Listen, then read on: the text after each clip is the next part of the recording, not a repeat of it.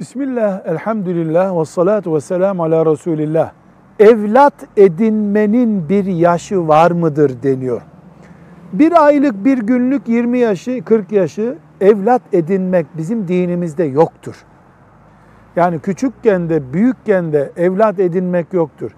Bir çocuk birisinin ya doğum yoluyla evladı olur ya da süt yoluyla evladı olur. Başka bir çocuğu eğer evlat gibi almak istiyorsa bir insan o çocuğun 24. ayı dolmadan yani 2 yaşı dolmadan o çocuğa süt emzirirse kadın o evin süt çocuğu olur. Yine de mirasçısı olamaz tabi. Sadece mahremiyet açısından süt çocuğu olur. Bunun dışında sonradan bir çocuğu evlat edinmek hiçbir yaş için yoktur. Velhamdülillahi Rabbil Alemin.